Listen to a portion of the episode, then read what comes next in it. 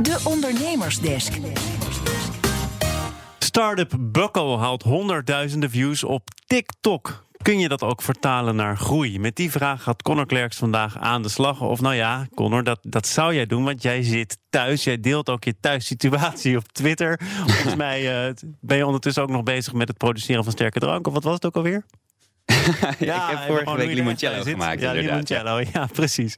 Um, ja, uh, hoe, hoe gaan we het aanpakken? Ga jij dan degene interviewen die eigenlijk normaal gesproken zou interviewen of niet? Want of, gaat dit ons ook raken, deze nieuwe situatie? Ja, zelfs de ondernemersdesk uh, is niet uh, gevrijwaard van, uh, van de gevolgen van het coronavirus, ben ik bang. Want ja, normaal gesproken zou ik inderdaad naar iemand toe gaan. Dat doe ik het liefst. Of iemand naar de studio halen en dan in gesprek gaan. Maar ja, dat kan natuurlijk niet. Ik kan veel vanuit huis, zo ook nu op BNR komen. Maar niet zozeer.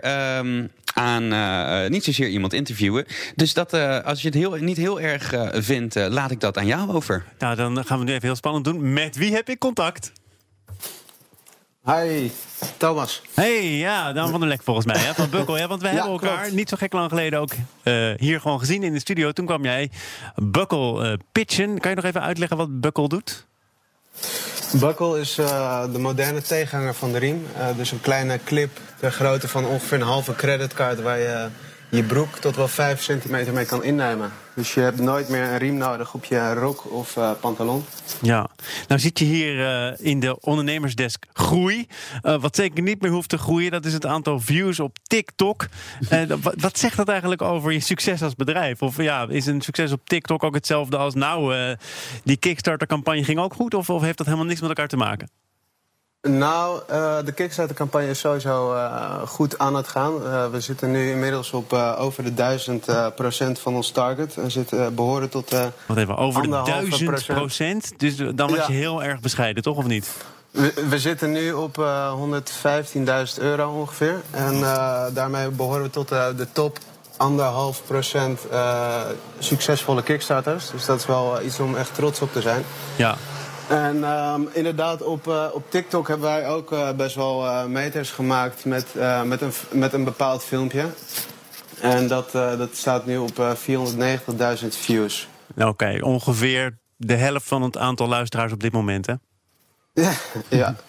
maar wat voor filmpje is dit?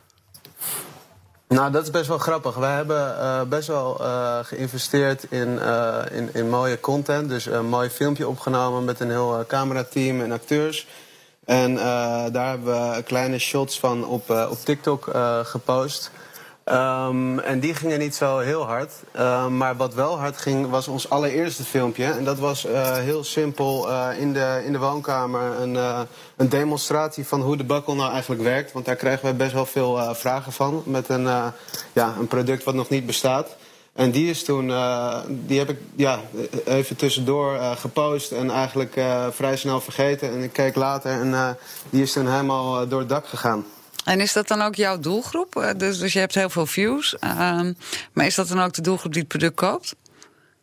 Um, nou, eigenlijk niet. Uh, het is natuurlijk wel een, een toekomstige doelgroep. Mm -hmm. Het is een doelgroep die steeds groter en belangrijker wordt. Maar het, is, uh, het was totaal niet onze bedoeling om daar iets van uh, publiciteit mee te bereiken op dat moment. Het was meer van, nou, laten we dit ook maar eens testen. En dat ging toen best wel hard. En waarom wilde je dat testen? Ja, het is een nieuw platform. Ik, uh, ik ben altijd wel geïnteresseerd in, uh, in, in, nieuwe media. Uh, al helemaal als dit bevorderlijk kan zijn voor de mhm. business. Mm -hmm. Dus ja, wij vonden dat het proberen waard. we zien het steeds meer voorbij komen. En toen, toen heb ik op een gegeven moment voor mij persoonlijk een, een account aangemaakt. Omdat een vriend van mij, die, die is nog veel vlotter bij dit soort dingen. En die zei, maak het gewoon aan, probeer het gewoon. Dus zo gezegd, zo gedaan. En, uh, en toen dat filmpje en toen, uh, toen ging dat opeens. Uh, maar dat, dat is het wonderlijke natuurlijk, hè? Want je hebt daarna geïnvesteerd in een professioneel filmpje met acteurs en met cameramensen. En dat houd je touwtje probeersel, dat dan uiteindelijk wat overeind blijft staan. Wat, wat zegt dat eigenlijk? Ja, dat, dat is best grappig. Want dat is dus uh, een beetje hoe de nieuwe generatie in elkaar ziet. Je ziet het al steeds meer, uh, ook op Instagram, dat mensen steeds meer bij de werkelijkheid blijven. Maar dat uh, dus ook bij de nog jongere generatie, dat die allemaal niet zo onder de indruk zijn van die ge gepolished reclamefilmpjes. Maar dat die dus echt uh, gaan voor wat, uh, wat de realiteit is en waar, wat ze er echt daadwerkelijk aan hebben. Ja, maar, maar toch nog even, dit is misschien een lastig uh, gedachte-experiment. Maar als je nou had geweten dat je 500.000 views zou hebben met dit filmpje, had je het dan net zo opgenomen of niet? Nee, dat denk ik niet. Dat denk ik niet. Wat had je dan anders Dus, gedaan? Nou ja, Had je dus toch wel, even, eh, even je haar gekamd en zo? Precies. dus dan, dan besteed je toch wel meer.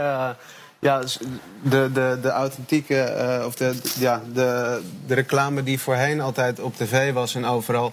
Dat, eh, dat is toch wel het uitgangspunt als je gaat kijken naar dit soort eh, dingen. Dus dan ga je toch wel eh, extra je haar doen, inderdaad. En eh, het er toch zo mooi mogelijk uit laten zien. Ja. Maar dat heeft dus geen, geen zin.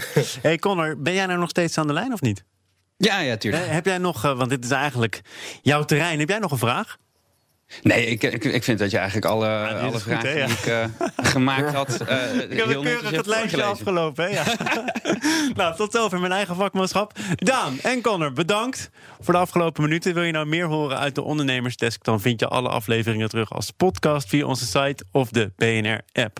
Ondernemersdesk over groei wordt mede mogelijk gemaakt door NIBC. NIBC, de bank voor ondernemende mensen.